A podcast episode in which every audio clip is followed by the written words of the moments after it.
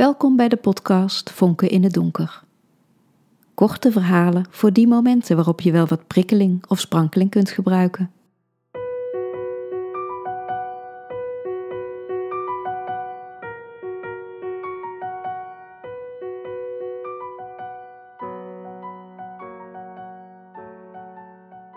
Meegroeiharnas. Een nietszeggend schilderij aan de muur. De stoel waarop ik zit is hard. Ik bestudeer de constructie van de andere stoelen in de wachtkamer. Twee stevige metalen poten verbonden door een rechthoekige metalen stang waarop de drie stoelen rusten. De zittingen zijn lichtbruine, gladde platen die heel licht gebogen zijn. De rugleuningen zijn bijna identiek aan de zitvlakken en zitten vast aan de metalen stangen. Eenvoud en functionaliteit. Ik zit niet makkelijk. Waarom zetten ze hier geen lekkere loungebanken neer? Dat is toch geen overbodige luxe als ze je zo lang laten wachten? Nou ja, deze stoelen zijn natuurlijk makkelijk schoon te maken. Ook niet onbelangrijk met al die ziektekiemen hier. Mijn aandacht wordt getrokken door de nadrukkelijk fluisterende vrouw die schuin tegenover me zit. Ze heeft de grauwe huidskleur van iemand die lang in een reformwinkel heeft gewerkt ondefinieerbaar kort haar dat even flets is als haar kleding. Ze wappert met haar handen voor haar ogen en snikt. Ik ben ook hooggevoelig. Ik pik alles van iedereen op. Daarom moet ik ook heel veel huilen. Maar ja, huilen mag, hè? Hm, zegt de vrouw die naast haar zit. Ze wendt zich iets van haar af en kijkt de wachtkamer rond. Blijkbaar pikt de hooggevoelige vrouw dat signaal niet op. En met al die prikkels hier is het heel zwaar voor mij om zo lang te moeten wachten. Ze snuit luidruchtig haar neus en frommelt wat met haar zakdoekje. Dan steekt ze haar hand uit naar de andere vrouw. Ik heet trouwens Elle. De andere vrouw kijkt naar haar hand en dan naar het zakdoekje in haar andere hand. Ze knikt en zegt: Petra. 43 zie ik op het display verschijnen. Eindelijk ben ik aan de beurt. 25 minuten later dan op mijn afspraakbriefje stond. Ik loop naar spreekkamer 2 en klop op de deur. Binnen. Het klinkt niet erg gastvrij. Ik loop op dokter Heitzer af en wil hem een hand geven. Hij steekt zijn hand op in een afwerend gebaar. Ogenblik, zegt hij, en tuurt naar zijn computerscherm. Minutenlang is hij bezig met lezen en typen. Waarom laat hij me binnenkomen als hij toch iets anders aan het doen is? Ik kuch. Hij reageert niet. Zal ik er iets van zeggen? Zal ik opstaan? Hij kijkt op. Ik neem uw dossier er even bij. Ook dat duurt minutenlang. Waarom hoeven dokters geen rekening te houden met de agendas van hun patiënten? Hij draait zich naar me toe. Ik had een spoedgeval en ik heb zometeen weer afspraken staan, dus kunt u in twee zinnen aangeven wat uw klachten zijn? Oh, in twee zinnen. Uh, nou, uh, wat het probleem is, is. Uh... Hij haalt diep adem. Nou, ik kan het wel in twee zinnen zeggen. Mijn harnas zit veel te strak en mijn helm ook. Het doet ontzettend veel pijn. Het zou een meegroeiharnas moeten zijn, maar het groeit al jaren niet meer mee en het knelt en dat doet dus enorm veel pijn. Oké. Het waren meer dan twee zinnen, maar ik heb ze wel heel snel gezegd. En waarom komt u daarmee bij mij? Ik hoop dat u me kunt helpen. Nou, ik denk dat u beter naar de harnasverkoper kunt gaan. Dat is het hem juist. Het is me hier in dit ziekenhuis aangemeten en aangedaan. En wanneer is dat dan geweest? Toen ik drie was. Ja, daar is nu niks meer over terug te vinden. Dat is te lang geleden. Ik ben bang dat ik u niet verder kan helpen. Hij kijkt afwerend. Maar ik heb zoveel pijn. Ik weet gewoon niet meer wat ik moet doen. Dat is vervelend, zegt hij. En ik merk dat het minder gaat over mijn pijn dan over het feit dat ik nog steeds tegenover hem zit. Kunt u dan tenminste even kijken wat er fout zit en waar het knelt? Ik probeer het niet te dwingen te laten klinken, want dan ben ik hem helemaal kwijt. Hij komt bij me staan, klopt op mijn helm en harnas, duwt en trekt een beetje en zegt dan: Ja, het zit inderdaad te strak. Het ziet er naar uit dat het op veel te jonge leeftijd is aangemeten. Maar kunt u er dan iets aan doen? Nee, ik vrees van niet. Ik zou het natuurlijk operatief kunnen verwijderen, maar dan bent u nog verder van huis. Geen enkele chirurg zou zo'n risicovolle operatie uitvoeren. Ik kijk hem aan. Maar, hij zucht. U zult ermee moeten leren leven. Ik wens u nog een fijne middag. Verslagen loop ik weer richting de wachtkamer. Mevrouw Alteveer, komt u nog? Uw nummer staat op het display hoor. Een vrouw in het wit richt zich naar de wachtkamer. De grauwe, hooggevoelige vrouw kijkt op. Oh, sorry, ja, met al die prikkels hier kan ik dat soort dingen niet filteren. Ze staat op, kijkt plotseling in mijn richting en komt dan recht op me af. Ze legt haar hand op mijn arm en kijkt me doordringend aan. Jouw pijn, zegt ze. Ik voel jouw pijn. Ze legt haar handen op haar hoofd, haar slapen en kaken, in haar nek, op haar borst, precies op de plekken waar bij mij de helm en het harnas het meest knellen. De tranen stromen over haar wangen.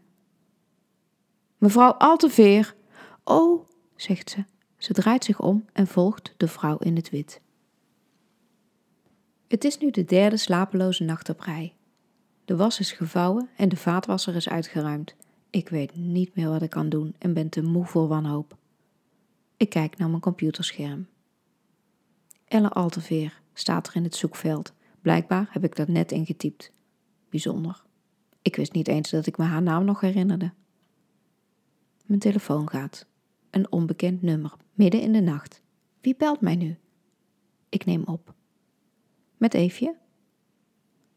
Hoi Eefje, met Ellen. Je had me gebeld? Eh, niet dat ik weet. Je belde zeker voor je harnaspijn. Ik denk het. Oké, ik kom zo naar je toe. Beduust leg ik mijn telefoon op tafel. De computer zet ik uit. Nog geen minuut later gaat de bel. Elle Alteveer staat voor mijn deur, hooggevoelig en wel. Trek je jas aan, zegt ze, en ik gehoorzaam. In haar kleine rode auto is het warm. De ruiten zijn beslagen en Elle tuurt gebogen over het stuur door de voorruit. We zwijgen. Bij het ziekenhuis aangekomen volg ik haar. Ze loopt snel. We komen door verschillende gangen en nemen een lift naar beneden. De gang hier is nauwelijks verlicht. Ik heb moeite om haar bij te houden. Het is stil. Je hoort alleen onze passen en ademhaling. Aan het eind van de gang pakt ze mijn hand vast en fluistert: Nu moet je niet bang zijn. Ik tel zo tot drie en op drie spring je. Waar naartoe? vraag ik. We staan voor een muur, daar kan ik toch niet doorheen springen? Ze legt haar vinger op haar lippen, haalt een keer diep adem en begint met tellen. 1. De muur kantelt langzaam naar achter, als een zwaar luik. Daarachter is een roodachtig schijnsel te zien. 2. Mijn harnas knelt nog meer dan gewoonlijk. 3. We springen hand in hand. Het is maar een klein sprongetje, niks engs aan. Nu staan we in een grote, kille ruimte die vol staat met hoge metalen kasten. Ik kijk Elle vragend aan. Ze zegt: Het archief van het ziekenhuis. Hier kun je vinden wat er met jou gebeurd is. Maar waar ga ik zoeken? Op de kasten staan geen namen, data, letters of cijfers. Mag ik even? vraagt Elle en ze pakt mijn schouders vast. Ze begint te schokken en te huilen, zonder met haar handen te wapperen gelukkig. Dan laat ze me los, loopt naar een kast in het midden van de ruimte, trekt een lade open en overhandigt me een dossiermap. Ik open de map en begin te lezen. Nee, zegt Elle, niet hier. Maak er foto's van en lees het thuis. Ik maak foto's met mijn telefoon. De pagina's zijn verkleurd en de letters, met een schrijfmachine getypt, zijn een beetje verbleekt. Elle trekt aan mijn mouw. We moeten opschieten. Ik hoor voetstappen dichterbij komen. Ze bonken in mijn helm. Springen, zegt Elle. We springen weer hand in hand, een klein sprongetje. Daarna rennen we door de gangen, nemen nu de trap in plaats van de lift. We rennen en rennen tot we hijgend in haar auto stappen. Ze start de auto en begint weer te huilen. Als ze me thuis afzet, zeggen we niks tegen elkaar. Ik ga naar bed en val meteen in slaap. Als ik om half tien wakker word, zie ik drie gemiste oproepen van hetzelfde onbekende nummer. Het zal Ellen wel weer zijn geweest. Ik zet koffie en kijk dan naar de foto's op mijn telefoon. Patiëntje staat er.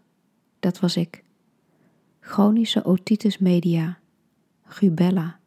Isolatie. Ja, ik weet het weer. Ik had oorontsteking en zou geopereerd worden, maar moest toen eerst in isolatie omdat ik ook rode hond bleek te hebben. Mijn moeder had me later verteld dat ik panisch in een hoekje van mijn ziekenhuisbedje had gezeten. Blijkbaar had ik met bibberende stem aan een verpleger gevraagd: Waar is die rode hond? Ik lees verder. Er staat niets over een harnas.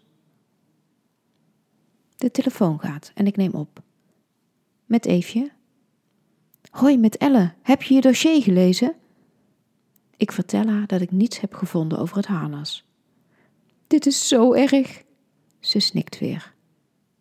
Ik ben er wel klaar mee, geloof ik. Elle, ik ga weer ophangen. Doei, zegt ze tussen haar snikken door. Verdomme, wat zit mijn helm strak. De telefoon gaat weer.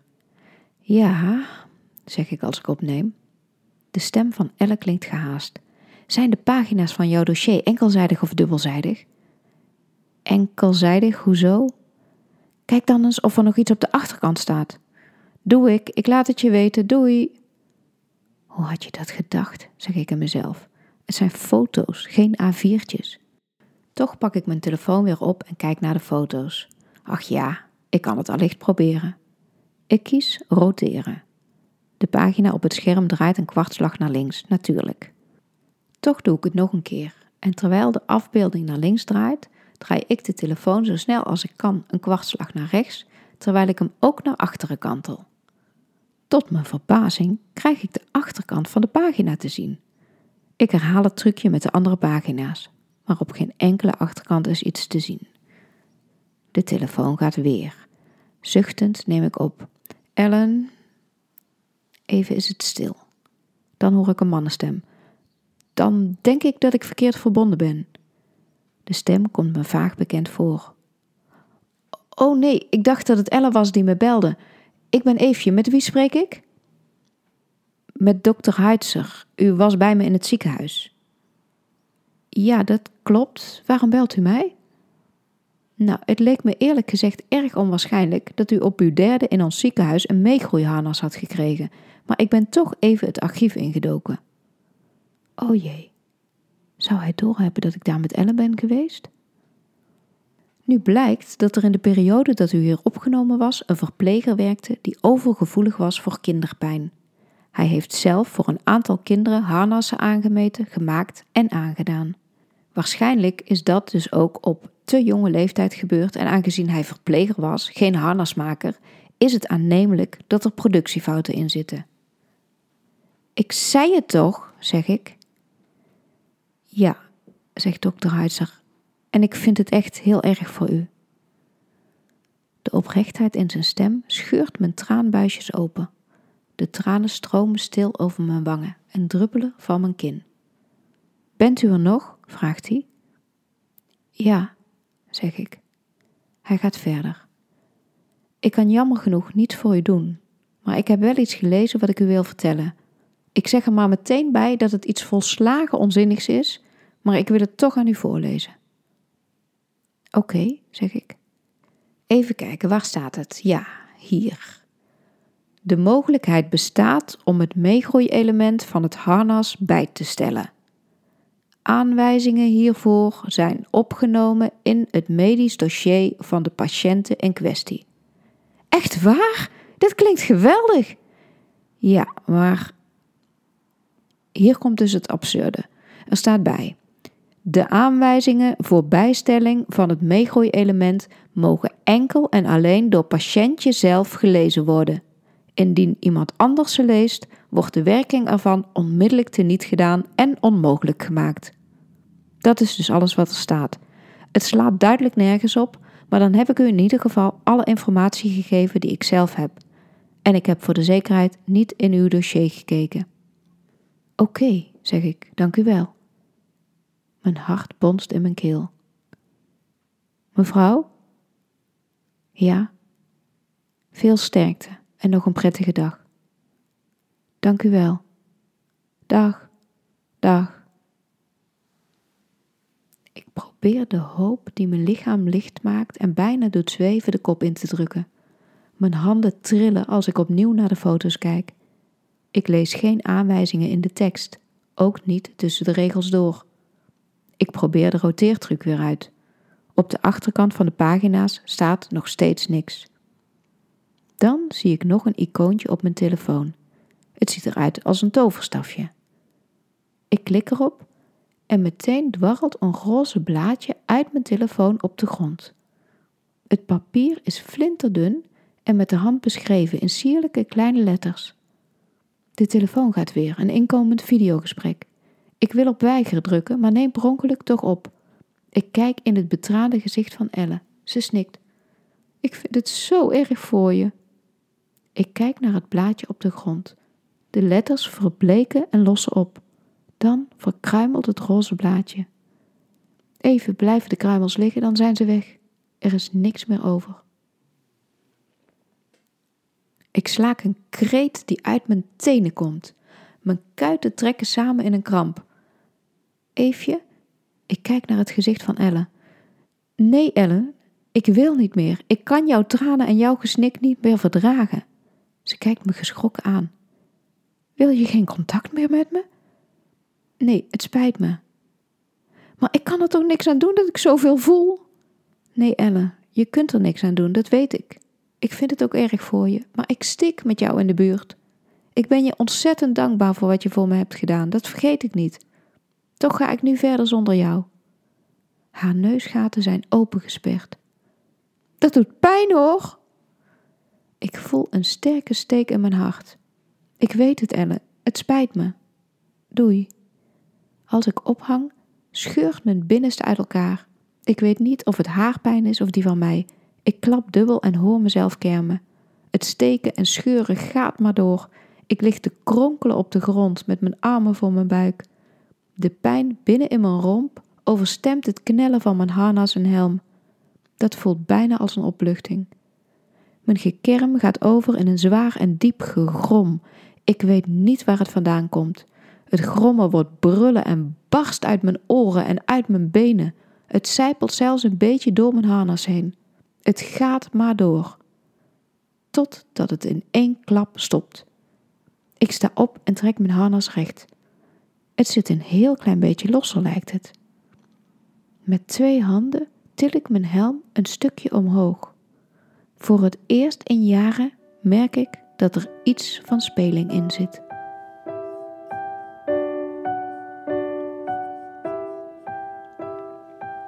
Je hebt geluisterd naar Meegroeiharnas in de podcast Vonken in het Donker. De volgende aflevering is het verhaal Eens verzonden blijft verzonden. Graag tot dan!